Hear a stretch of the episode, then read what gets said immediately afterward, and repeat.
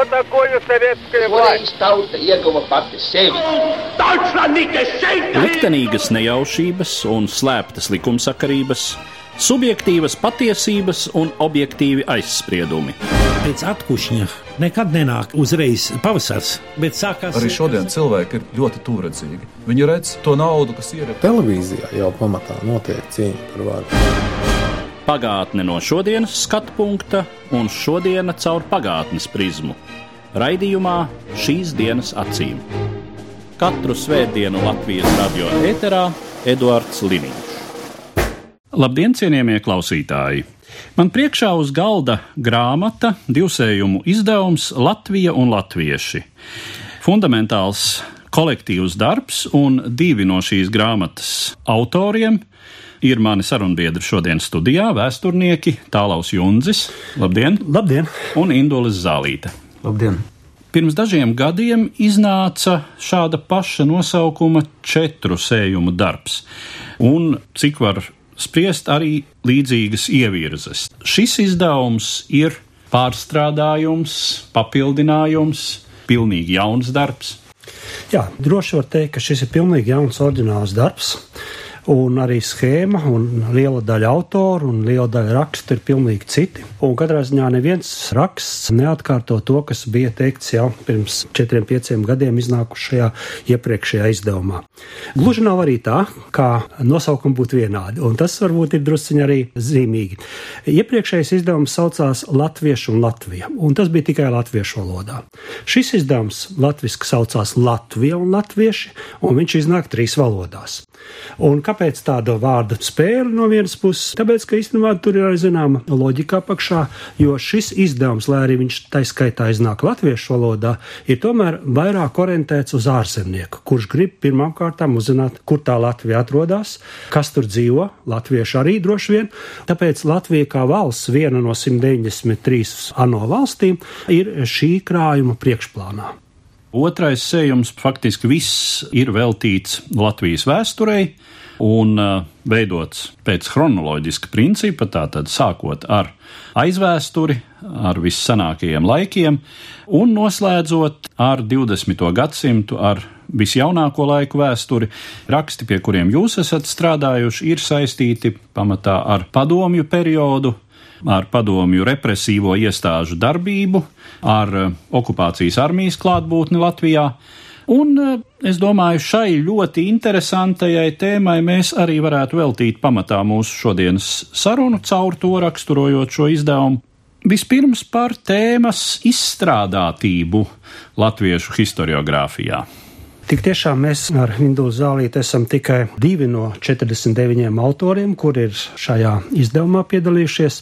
Un runājot par tām nosauktajām mūsu tēmām, tieši konkrēti man bija tas gods pētīt un apkopot jautājumus par padomju armiju Latvijā, sākot no 1939. gada karabāzēm, bet, protams, ar vislielāko akcentu, kas tad noticis ar Latviju kā militāru karabāzi visā pēckara periodā līdz pat neatkarības atgūšanai. Un jāsaka, ka faktiski tas ir viens no pirmajiem pētījumiem, kas tik dziļi un tik pamatīgi, lai arī raksta apjoms, protams, ierobežo to, bet iedziļinās tādās pietiekami nozīmīgās niansēs ar dažādiem karaspēka veidiem, kas te atradās ar viņu strateģiskiem mērķiem, ar taktiskiem, varbūt pat kaut kur mērķiem, ar kodolieročiem, ar gaisa spēkiem, ar jūras kara floti. Un līdz ar to es domāju, ka tas tiešām ir tāds šajā ziņā unikāls.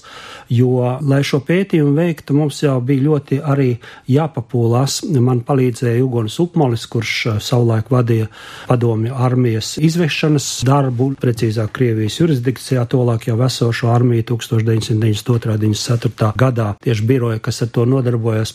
Un te ir izmantots ārkārtīgi plašs materiāla lokus. Pirmām kārtām jau to Latvijas virsnieku zināšanas, kuri viena daļa dienēja tajā laikā jau jaunajā Latvijas neatkarīgajā armijā, kur bija tādā vai citā kapacitātē darbojušies padomu karaspēkā. Tad pirmo reizi šeit ir izmantoti lielā mērā tie pētījumi, ko veikuši ir Krievijā dažādi drošības un strateģisko pētījumu institūti. Tās publikācijas ir tikai gandrīz vienīgi Krievu valodā. Mums ir tā priekšrocība atšķirībā no rietumu pētniekiem, ka mēs pārvaldam Krievu valodu. Līdz ar to ļoti daudz tādas lietas, ko mēs par Baltiju, par Latviju, tā skaitā, uzzinājām no pētījumiem Tomskā vai Ņepropetrovskā vai vēl kaut kur mazāk varbūt Maskavā, Ļengradā, iespējams, ka tur ir lielāka cenzūra, tur vēl tādas publikācijas nav parādījušās. Un, protams, arī ar Jugonu upmali mēs iztaisījām vairāku dienu tādu braucienu, lai apskatītos, kas pēc 25 gadiem, kopš armija ir izvesta skaitās no Latvijas, kas noticis ir ar tām karabāzēm. Un tur, protams, bija ļoti, ļoti interesanti pārsteigumi, arī starp citu dažas fotogrāfijas no bijušām, tā skaitā kodola bāzēm Latvijā ir redzamas arī šajā krājumā. Vispār jāpasaka, ka šis krājums ir diezgan bagātīgi ilustrēts, tur ir kopumā kāds sešiem fotogrāfijas, un tā skaitā arī rakstos par padomju armiju, jūras karafloti, robežsargiem un uh, citām militārām vienībām. Savukārt Zālītas kunga temats ir pamatā padomi represīvās struktūras, konkrēti valsts drošības komiteja, kas sākotnēji Latvijā saucās iekšlietu tautas komisariāts un pēc tam valsts drošības ministrija, nu un tad pēdējais nosaukums valsts drošības komiteja. Kā ir ar jūsu tēmas izpētītību? Manis un mana kolēģa Alda Bergmaņa kopdarbs tikai pateicoties tālau Junģa spēcīgai motivācijai, mēs varējām savilkt tos gals kopā, lai kaut vai uz 40 tūkstošu zīmēm aptvertu posmu no 1940. līdz 1991. gadam par valsts drošības vienas iestādes ideoloģiskā darba komponenti. Zinām problēmu, un katrs vēsturnieks to zina, ka dokumenti par valsts drošības komiteju praktiski Latvijā nav palikuši. Par slaveniem čekas maisiem tie ir skaloti daudzkārt un aprunāti daudzkārt, bet tā ir viena tik nenozīmīga daļa no mozaīkas, ka bez kaut kāda plašāka konteksta tie var tikt interpretēti absolūti pretēji.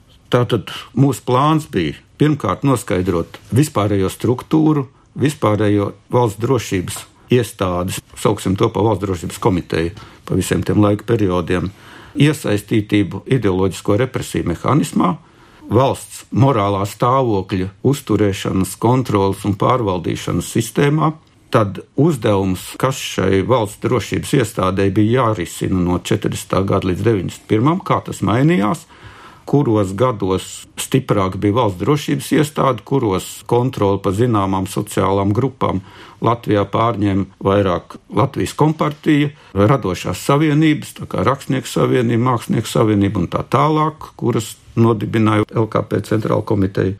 Tam visam ir vajadzīga kaut kāda dokumentāla vai materiāla bāze. Par 40 gadiem ir mazliet vienkāršāk, jo tur ir ļoti liels daudzums kriminālu lietu, kas nerunā tieši par to mehānismu, jo krimināla lieta ir produkts lielam darbam, kas ir plānošana, kaut kāda struktūrālā uzbūve, iesaistītība, izmeklēšana, operatīvais darbs. Nu, un, ja kaut kas ir pierādīts, tad gal galā ir krimināla lieta, kur vēl iziet caur tiesu. Vai arī agrīno padomu gados tās bija trojkas, kas ārpus tiesas. Tas nav svarīgi, bet tas jau ir tikai produkts. Mēs neredzam to darbu, kas varēja noturēt visu iedzīvotāju kopumu kaut kādā tādā ideoloģiskā okupācijas varas kontrolē un beidzot aizvest līdz tādam purvam, ka visiem gandrīz ir labi un ko tas maksāja valsts varai. Tas mums bija interesanti un ko saņēma pretī tas iedzīvotājs par to lojalitāti. Tātad eh, viens dokumenta kopums ir šīs krimināla lietas. Bija arī daudz citu notikumu 40. gados. Ap 50. gadu vidu, kad tika likvidēta pamatā Nacionālā pretošanās kustība, tās bruņotā izpausmē, notikumi kļuva mazāk. Hruščova atpūsnis, pēc tam Brežņeva zastoja. Stagnācija. Stagnācija, jā. Kad kaut kāds kompromiss tika panākts, ka cilvēkiem iestājās atslābums, ka vairs nenotika masveida represijas. Kaut gan fiziskās bailes faktiski vēl bija līdz 70. gadam, droši vien vēl 50. gadā dzimušie. Tā ēna nāca bailes tomēr pāri. Un 60. un 70. gados varbūt tas bija savādāk, un to mēs redzējām 80. gados jauniešu izpausmēs. Un pa šiem gadiem faktiski nekādu dokumentu nav, jo nav drošības komiteja, ko raportēt īsti uz centrālu komiteju, kur mēs tad varētu uzzināt. 70. gados sākas stihiskas demonstrācijas, daļai organizētas, teiksim, meža kapos, pie čakas pieminekļa un tā tālāk. Tad kā uz to reaģē kompartija, kā uz to reaģē drošības komiteja? Ir dokumenti, bet mēs nezinām, kā tas īstenībā notika.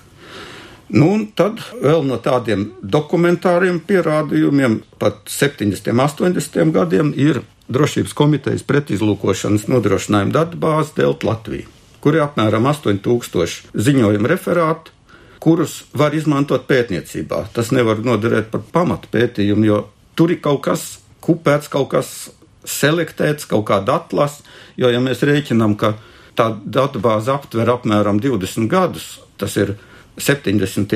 un 80. gadi, un tur ir 8000 ziņojumu. Ja mēs pieņemam, ka ir 5000 aģentu drošības komitejā, katram mēnesī jādod viens ziņojums, lai skaitītos kooperatīvais darbinieks strādā. Tas ir 60 tūkstoši ziņojumu vajadzētu būt gadā. Pa 20 gadiem pār pa miljonu. Mums ir 8000 ziņojumu. Tas ir noteikti jāņem vērā, izmantojot šos avotus pētniecībā. Tad viens ļoti nozīmīgs, manuprāt, avots ir, kaut gan par to es esmu publiski kritiku saņēmis, tas ir drošības komitejas darbinieku intervēšana. Var pārmest, kad, nu, redz, viņi intervē čekists, viņi viņam sastāstīs, ko grib. Priekš tam ir vēstures avotu pētniecības zinātne, kura dod iespēju izvērtēt, cik ticams ir avots, cik patiesas ir avots. Tādā gadījumā jāintervē daudz un jāmeklē jebkura iespēja pārbaudīt sekundāros dokumentos. Un tādi sekundāri dokumenti ir tādās valstīs, kur ir palikuši kaut kāds lielāks daudzums valsts drošības komitejas dokumentu.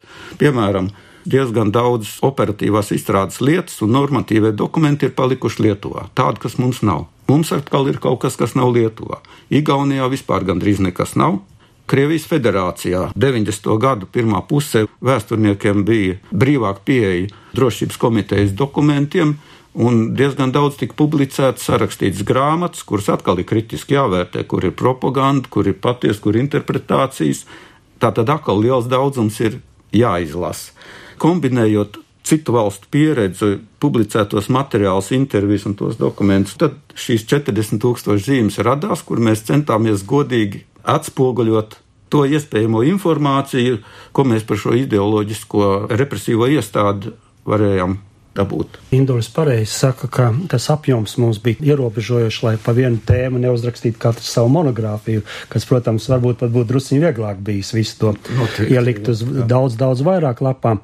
Bet eh, katrā ziņā arī tas apjoms līdz ar to lasītājiem ir, manuprāt, ļoti ērts, jo viņš var 30, 40 lapusēs ar ilustrācijām, diagrammām, ar ļoti daudzām atsaucēm uz avotiem, kur to visu var atrast, un, protams, uz tiem avotiem, kas ir publiski pieejami. Un līdz ar to tā bija šī krājuma specifika, ka mums bija ļoti, ļoti koncentrēti jāstrādā, bet uh, pētījumi vēl turpināsies un tur būs arī monogrāfijas. No otras puses ir arī jāņem vērā vēl viena lieta, ka tomēr man liekas gan tēmā par valsts drošības komiteju bijušo, gan par padomju armiju šeit, ka ļoti svarīgs, kā to arī minēja, ir tās liecinieku liecības vai pat to cilvēku, kas tur bija iesaistīti liecības. Tās vēl iespējas ir tagad to fiksēt un mūsu arī abos rakstos un arī citos krājuma rakstos ir izdarīts tas, ka tās liecības, tie dokumenti, kur pazūd, kuri kaut kur atvilknēs ir glabājušies un kurus tagad, sekojot pa notikumiem pa svaigām pēdām, mums ir izdevies šeit arī atspoguļot un savākt. Un arī Latvijas Zinātņu akadēmijas Baltijas strateģisko pētījumu centrā, kas darbojās pie šī krājuma, mums ir faktiski savākta milzīga dokumenta bāze, kur gan skar eh, padomju armijas jautājumus un armijas izvešanu, nu, un vēl pa veselu virkni citiem jautājumiem, kur varēs arī daudz citu pētnieku izmantot pēc tam. Es varu piebilst, ka tas darbs 90. gados, ko mēs izdarījām intervēšanas jomā, ja tagad paskatāmies tajās atsauksies, tad liela daļa šo cilvēku vairs nav starp dzīvajiem. Ja mēs runājam par lietas būtību, kā tad izskatījās padomju Latvijas situācija salīdzinot ar citām padomju republikām, salīdzinot varbūt ar citām padomju savienības okupētām teritorijām, kāda bija piemēram Austrumvācija, tad kā izskatās šo represīvo un militāro struktūru darbības aina šeit? Tā jau laikam ir dzīvojot šeit. Mums jau liekas, ka šeit bija padomju armijas gandrīz centrs.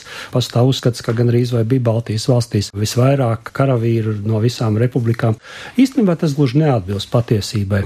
Krietni vairāk proporcionāli uz tūkstošu iedzīvotāju padomju karaspēka atradās, varētu teikt, pirmajās pozīcijās attiecībā pret NATO valstīm. Un tā, protams, bija Austrumvācija, kur bija simtiem tūkstošu karaspēka, un tas bija padomju karaspēks karaspēks, un plus vēl viņa vietējais Austrumācijas karaspēks. Tā kā tur bija krietni vairāk gan tehnikas, gan karaspēka, tas pats attiecās Poliju, tūlīt aiz Austrumvācijas un uz Čehoslovākiju. Un tad varētu teikt, ka Baltijas valstis, ieskaitot Latviju, mēs bijām, varētu tā teikt, pirmā ešelona otrajā plānā. Un līdz ar to tomēr mums bija vairāk nekā tas bija Vidusāzijas vai Centrāla Krievijas reģionos, bet arī vēlreiz uzsver negluži tik daudz, kā tas bija Austrumvācijā, Polijā, Čehoslovākijā. Bet tajā pašā laikā arī, nu, nezinu, vai pateicoties varbūt tam intelektuālam potenciālam, kurš zināmā mērā arī vietējais tika izmantots, tad šeit Baltijas tolaik padomu republikās ļoti daudz tika ieviesti pirmo reizi padomu savienībā radītie ieroču dažādi veidi, ieskaitot kodolieroči. Vienas no pirmajām, ja ne pašas pirmās balistiskās raķetes vidējā darbības rādījusa parādījās Liepājas pusē Bārtā un tas varētu būt 1959. gads. Tāpat arī pretgaisa aizsardzības sistēmas, tādas, kas eh, arī tagad pat Sīrijā uzlabots un attīstīts, izmanto Krievijas karaspēks. S-300, kas tolaik bija pati modernākā raķete 70. gadu beigās, tā parādījās pirmoreiz tieši pret gaisa aizsardzības karaspēkā Latvijā. Un mums nav bijis iespējams precīzi atklāt visus padomju militārās stratēģijas strateģiskos plānus, bet tā aptuveni pēc dažādu ekspertu viedokļiem, vairāk domām, bijušo militāru personu izteikumiem Baltijas valstis un šeit izveidotais Baltijas kara apgabals, kurā ietilpa trīs Baltijas republikas tolaik un Kaļingrads apgabals. Tas bija tas otrais ešalons, kuram bija jāatbalsta pirmā līmeņa pozīcijas Vācijā, Polijā un arī Čehoslovākijā, ja sāktos karš ar NATO. Un vēl varētu teikt, tas gan ir diezgan jau aprakstīts arī rietumpresē, varbūt mazāk mums Latvijā tam pievērst uzmanību. Augstā kara laikā bija pietiekami skaidra stratēģija, kā Padomu Savienība karos ar NATO. Un uh, paredzēts bija zibens karš, tātad ļoti straušs uzbrukums NATO un sākt ar kodolieročiem. Tāpēc jau no 1959. gada šeit atradās Latvijā balistiskās raķetes vidējas darbības rādījus, kas sākumā gluži neaizsniedz Londonu, bet eh, Parīzi viņas sasniedz. Un tas bija paredzēts pirmais trieciens, kodolieroči, un pēc tam tad sauszemes karaspēks pa saindētām ar radiāciju teritorijām. Tam bija jāmaršē uzbrukumā ar tankiem, ar artilērijas iekārtām, par ko, protams, rietumi ļoti brīnījās, kas tā tāda pa stratēģija, kas nedomā par saviem karavīriem, kur no radiācijas, protams, liela daļa aizies agrāk vai vēlāk bojā, bet tas nu, ir diezgan skaidri redzams no avotiem, ka tāda bija tā stratēģija. Mazs komentārs, kā maršēs apstarotie karavīri. LPSR Zinātņu akadēmijas orgasintēzes institūts izstrādāja speciāls antidots, kas karavīriem kaut vai pa stundu vai pa četrām stundām uzturēt ilgāku dzīvību. Katrā uzbrukumā vai katrā operācijā rēķina, cik tehnikai ir stundas kalpošanas laiks un cik ir cilvēkam. Karavīrs tiek apstarots un viņš iet bojā, un tā tad jāpaildzina. Tas bija viens no militāra rūpnieciskā kompleksa uzdevumiem. Bet runājot par lojalitātes nodrošināšanu, padomu varēja. Tīri vēsturiski. Līdz 30. gadu beigām Latvijā politpārvaldes veikto aptauju rezultāti rādīja, ka pamatā Latvijas iedzīvotāji ir lojālāki Krievijai. Jo vēl atmiņā bija tie vācu vērtības stāsti. Krievijā ļoti daudz Latvijas intelektuāļu bija guvuši izglītību, no kurienes nāca jaunatvieši, jaunās strāvas. Latvijas armijas augstākie virsnieki, tā skaitā ģenerālis Balodis, bija guvuši izglītību smalkās akadēmijās, bet šis noskaņojums ļoti krasi mainījās pēc baigā gada, pēc 41. gada deportācijām. Jebkuras okupācijas varas pirmais uzdevums ir panākt tādiem vai citiem līdzekļiem lojalitāti. To var panākt vai nu deportējot ar masveida represijām, bet tas nav ilgspējīgs risinājums, jo cilvēkiem jāstrādā, viņam kaut kas jāražo. Tā tad jāiznīcina pirmkārt jau kaut kādas organizētas pretošanās. Tāpēc padomu vara un drošības orgāni pirmām kārtām vērsās pret aizsargiem, kas bija visdaudzskaitlīgākā organizācija, patriotiski, labi motivēti. Viņi ļoti labi pazina vietējos apstākļus. Tātad pirmās represijas vērsās pret aizsargiem, pret militāru personām, jebkurām pret intelektuāļiem, kas varētu traucēt ieviest padomu ideoloģiju. Mēs visi apmēram to statistiku zinām. Ja pirmos pēckara gadus vēl Latvijas iedzīvotāji cerēja, ka Angļi nāks palīgā, un tā pasaka bija diezgan populāra iedzīvotāju vidū, tad pēc 49. gada deportācijām jau iedzīvotāji saprata, ka vienkārši mums ir kaut kā jādzīvot ka pret to sarkano mašīnu nekāda pretlīdzekļa nav iespējama. Jo notika ne tikai deportācijas, bet arī sagūstītos partizāņus nogalinātos, veda pie pagastmājām apskatē un tā tālāk cilvēki bija iebaidīti. Pēc Staļina nāves notika vispārējais atslābums, kuru uztvēra arī Latvijas iedzīvotāji, ka, nu, beidzot varam mēs kaut kā strādāt, dzīves līmenis Kruščova laikā sāk kāpt uz augšu, un Brežņeva laikā jau sasniedz tādu līdzsvaru, kā mēdz teikt, ka tauta izliekas, ka strādā, un valsts izliekas, ka maksā. Pieaugot jaunai paudzei, 70, 80 gadi, un šeit ļoti lielu lomu nospēlēja arī ārzemju, mēs varam teikt, propagandas līdzekļi. Amerikas balss, brīvā Eiropa un tā tālāk, latviešu krievu valodā, krievu valodā arī Latvijā daudz cilvēku klausījās, kur jau jaunākā paudze dabūja dzirdēt daudzas lietas par vēsturi, kas bija aizliegts, par kurām nerunāja. Cilvēki palika drošāki, jo līdz ar jaunu paudzes fiziskais bailes liekas paaugstinājās grūtāk to bija pārkāpt. Un jau 70. gadu beigās, ja pie Čakas pieminekļa aizturēja cilvēku čekis, tad viņš varēja uzprasīt par ko. Un čekistam bija jāpaskaidro un jāparāda apliecība. Tāpat nevarēja ķert un vest. Nu, labi, es atnācu ar sarkanbaltu sarkaniem puķiem, bet likumā tas nav aizliegts. Un 80. gados tika aktivizēta jau 50. gados uzsāktā prakse par profilaksi kur represijas tika novestas faktiski preventīvā līmenī, individuālā, kas virspusē nebija redzams. Jo, ja cilvēki izsauc uz čeku, ir kaut kāda publiskās šausmīšanas akcijas, vai tas ir par rādio, vai tas ir televīzijā vai laikrakstos, tad tas faktiski vairoja to padomu varas ienaidnieku vai nelojālo cilvēku skaitu. Un uh, profilaks pasākumi, kas notika individuāli, nevienmēr ar čekistu piedalīšanos, bet caur kolēģi, caur citu aģentu vai iestādes vadītājs vai cehu priekšnieks saprata, nu, no jā, netaisieps. Tev ir maz bērni, tev dzīvokļi rindā, un tur viss to var pazudīt. Jānis padomā, nu jā, varbūt. Tas samazināja krasi to reģistrēto nacionālo izpausmu skaitu, krimināla lieta daudz nebija. Teiksim, 75. gadā Drošības komiteja ierosināja divas krimināla lietas, bija apmēram 520 profilaks pasākumu veikti, un kā 20 profilaks ar oficiālu brīdinājumu izteikšanu, par ko tika informēta prokuratūra. Tāpēc mēs zinām to skaitu. Tātad tikai divas krimināllietas 75. gadā, bet 250 vai 260 reizes vairāk šie profilaks pasākumi, kas notiek nemanāmi. Indus paskatījās uz drošības iestādēm tādā vēsturiskā aspektā, īstenībā tieši tāpat varētu uz armiju arī paskatīties, padomju armija Latvijā. Un eh, tā vēsture sākās jau drusciņā ātrāk, kā mēs zinām, 1939. gadā oktobrī, kad piespieda parakstīt visām trim Baltijas valstīm labi zināmos bāzu līgumus. Šeit ievedi pēc līguma 25 tūkstoši padomu karaspēka Latvijā, bet ir pamats uzskatīt, ka to vairāk bija. Tas nozīmē tikpat daudz, cik Latvijas armija apmēram 25 tūkstoši tajā laikā.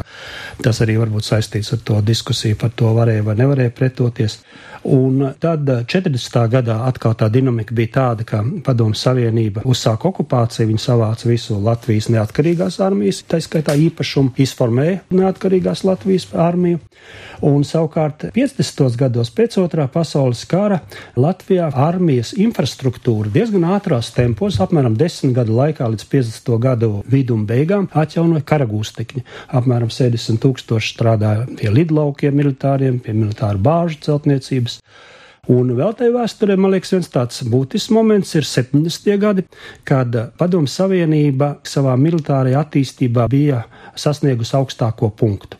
Un tas augstākais punkts salīdzinām ar rietumiem nozīmē to, ka pēc rietumu ekspertu, vairāk arī pēc dažu austrumu ekspertu domām, konvencionālā karaspēka ziņā gan atpalika pa gadiem vismaz desmit no rietumu un NATO valstīm Padomu Savienība, bet kodola potenciāla un kodola ieroču un balistisko raķešu ziņā un pretraķešu aizsardzības sistēmu ziņā, tad tur gan bija jau līdzsvars panākt 70. gadu vidū pagājušā gadsimtā.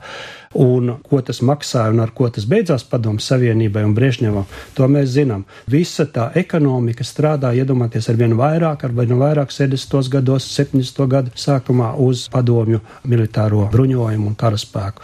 Un līdz ar to bija liela problēma šo valstu uzturēt, un ir jau zināms, ka Seifos Briežņevam stāvēja jau dekrēti par cenu celšanu gaļai un maizē, bet nu baidījās tos vēl vilkt ārā, bet kur katru brīdi tas bija jādara, ja vien neatnāk glābējs Gorbačovs. Gorbačovs.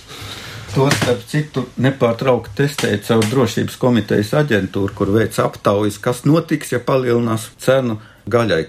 Runā, ka baltmaize nav. Ko mēs darām, lai neizceltos nemieri? Tā bija viena no svarīgām lietām, ko drošības komiteja monitorēja. Es citas starpā atceros, tie bija vēl 80. gadi, krietni pirms neatkarības vēsmām šeit padomu Latvijā tolaik komēta Rīgā sērkociņu fabriku, un tur bija kaut kas noticis ar iekārtām. Bija pārtraukta sērkociņu ražošana, un uh, man bija iespēja būt zināmā mērā lieciniekam, kā skraidīja pašā augstākā līmenī. Latvijas komisijas partijas centrāla komiteja, prokuratūra, noteikti par ko mazāk var zinās valsts drošības komiteja. Ko tagad darīt? Ko darīt, ja nu tautai pietrūks sērkociņa? Tā kā bija milzīgs bailes, tas, ko arī Indulis saka, tomēr ir no tās tautas Un vairāk jau bērns droši bija tiem ierēģiem par savu krēslu un savām privilēģijām. Tas, es domāju, tas pirmais, par ko viņi baidījās. Joprojām mēs dzirdam gana daudz interpretāciju, nu, varbūt ne Latvijā, vairāk no mūsu austrumu kaimiņu puses, par to, ka šis padomju posms Latvijas sabiedrībai nav bijis nemaz tik slikts, ka tā šo to ir ieguvusi, varbūt pat ieguvusi ļoti daudz. Šie teksti par to, ka šeit viss tika uzbūvēts, šeit daudz kas tika ieguldīts, un ka sabiedrība tobrīd dzīvoja tīri labi, kā var zināmā mērā interpretēt arī to faktu, ka, lūk, jā, nu, pretošanās bija nebūt ne īpaši izteikta, arī intelektuālās elites pozīcija bija uz sadzīvošanu un pielāgošanos orientēta. Ko jūsu pētījumu un šis izdevums kopumā mums vēsta šo mītizēto interpretāciju sakarā.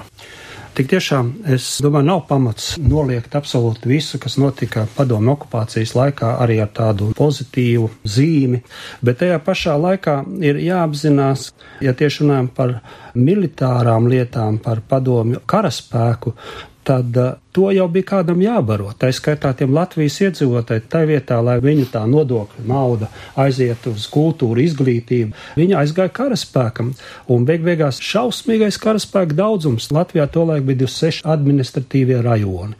Un 24 no viņiem atradās karaspēks. Pie 78 tūkstošu vīru vismaz šeit atradās. Tie visi bija jābaro.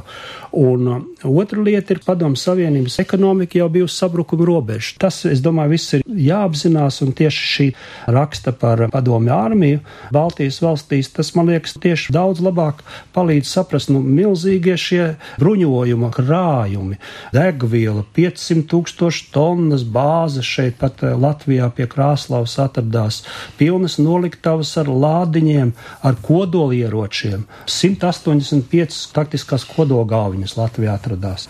Vairāk kā 50, 70 pēc avotiem var spriest balistiskās raķetes raķetes, un viss tas maksāja pasakāju naudu. Mēs īstenībā varam ļoti labi paskatīties Ziemeļkoreju. Tur tieši tas notiek, uz ko mēs gājām padomu savienību. Visa nauda ir atņemta tautai, sabiedrībai, tur viss aiziet uz bruņošanos, dzīvo cilvēki ne tikai pusbadā, liela daļa, bet eh, badā dzīvo Ziemeļkorejā, un tas bija tas liktenis, kas sagaidīja agrāk vai vēlāk arī mūs šeit Baltijas valstīs padomu savienības sastāvā, ja vien nenotika tas, kas, paldies Dievam, es teiktu, notika tas ir ļoti labi redzams, ka Latvijas nacionālā elite, intelektuālā elite 40. un 41. gadā tika praktiski iznīcināta. Kas paglābās tajā laikā? Emigrēja kara beigās uz Vāciju un uz citām valstīm. Padomi vara šeit ar saviem līdzekļiem centās radīt jaunu eliti, kas būtu padomi elite. Nacionālajai elitei, intelektuālajai elitei vajadzēja izveidoties padomu varas apstākļos, okupācijas apstākļos. Un faktiski tā elite, kas izveidojās padomu laikā, arī padarīja iespējamu atmodas procesu Latvijā. Jo, ja Latvija nebūtu gatava, perestroika nedod tādas augļas kā Baltijas valsts neatkarība. Tas ir skaidrs. Es domāju, ka ar šiem būtiskiem secinājumiem mēs arī varētu noslēgt mūsu šodienas sarunu, kas bija veltīta nulle iznākušajam izdevumam Latvija un Latvieši. Un es saku paldies maniem sarunbiedriem, šī izdevuma autoru kolektīva locekļiem, vēsturniekiem Tālavam Junzim un Indulim Zālītem. Paldies! Paldies! Katru svētdienu Latvijas radio viens par pagātni sarunājas Eduards Liniņš.